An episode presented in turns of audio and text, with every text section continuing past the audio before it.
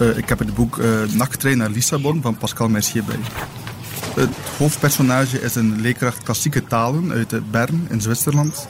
Maar op een dag heeft hij een ontmoeting met een mysterieuze vrouw. En die vrouw heeft een boek bij in het Portugees. En hij beslist eigenlijk om zijn leven een wending te geven. En hij neemt heel impulsief de trein naar Lissabon. En als hij daar aangekomen is, gaat hij aan de hand van dat boek, reconstrueert hij het leven van het hoofdpersonage van dat boekje. Hij spiegelt dat zo wat af tegenover zijn eigen leven. Er komen ook heel filosofische kwesties aan bod. Bijvoorbeeld over de vrije wil. Uh, wat is vrijheid echt? Het lijkt zware kost, maar het is echt een, echt een meeslepend boek je krijgt het moeilijk weggelegd.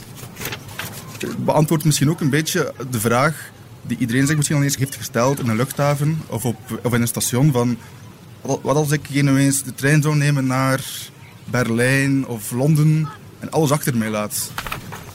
De dag waarna in het leven van Raymond Gregorius niets meer zou zijn als ervoor, begon als talloze andere dagen.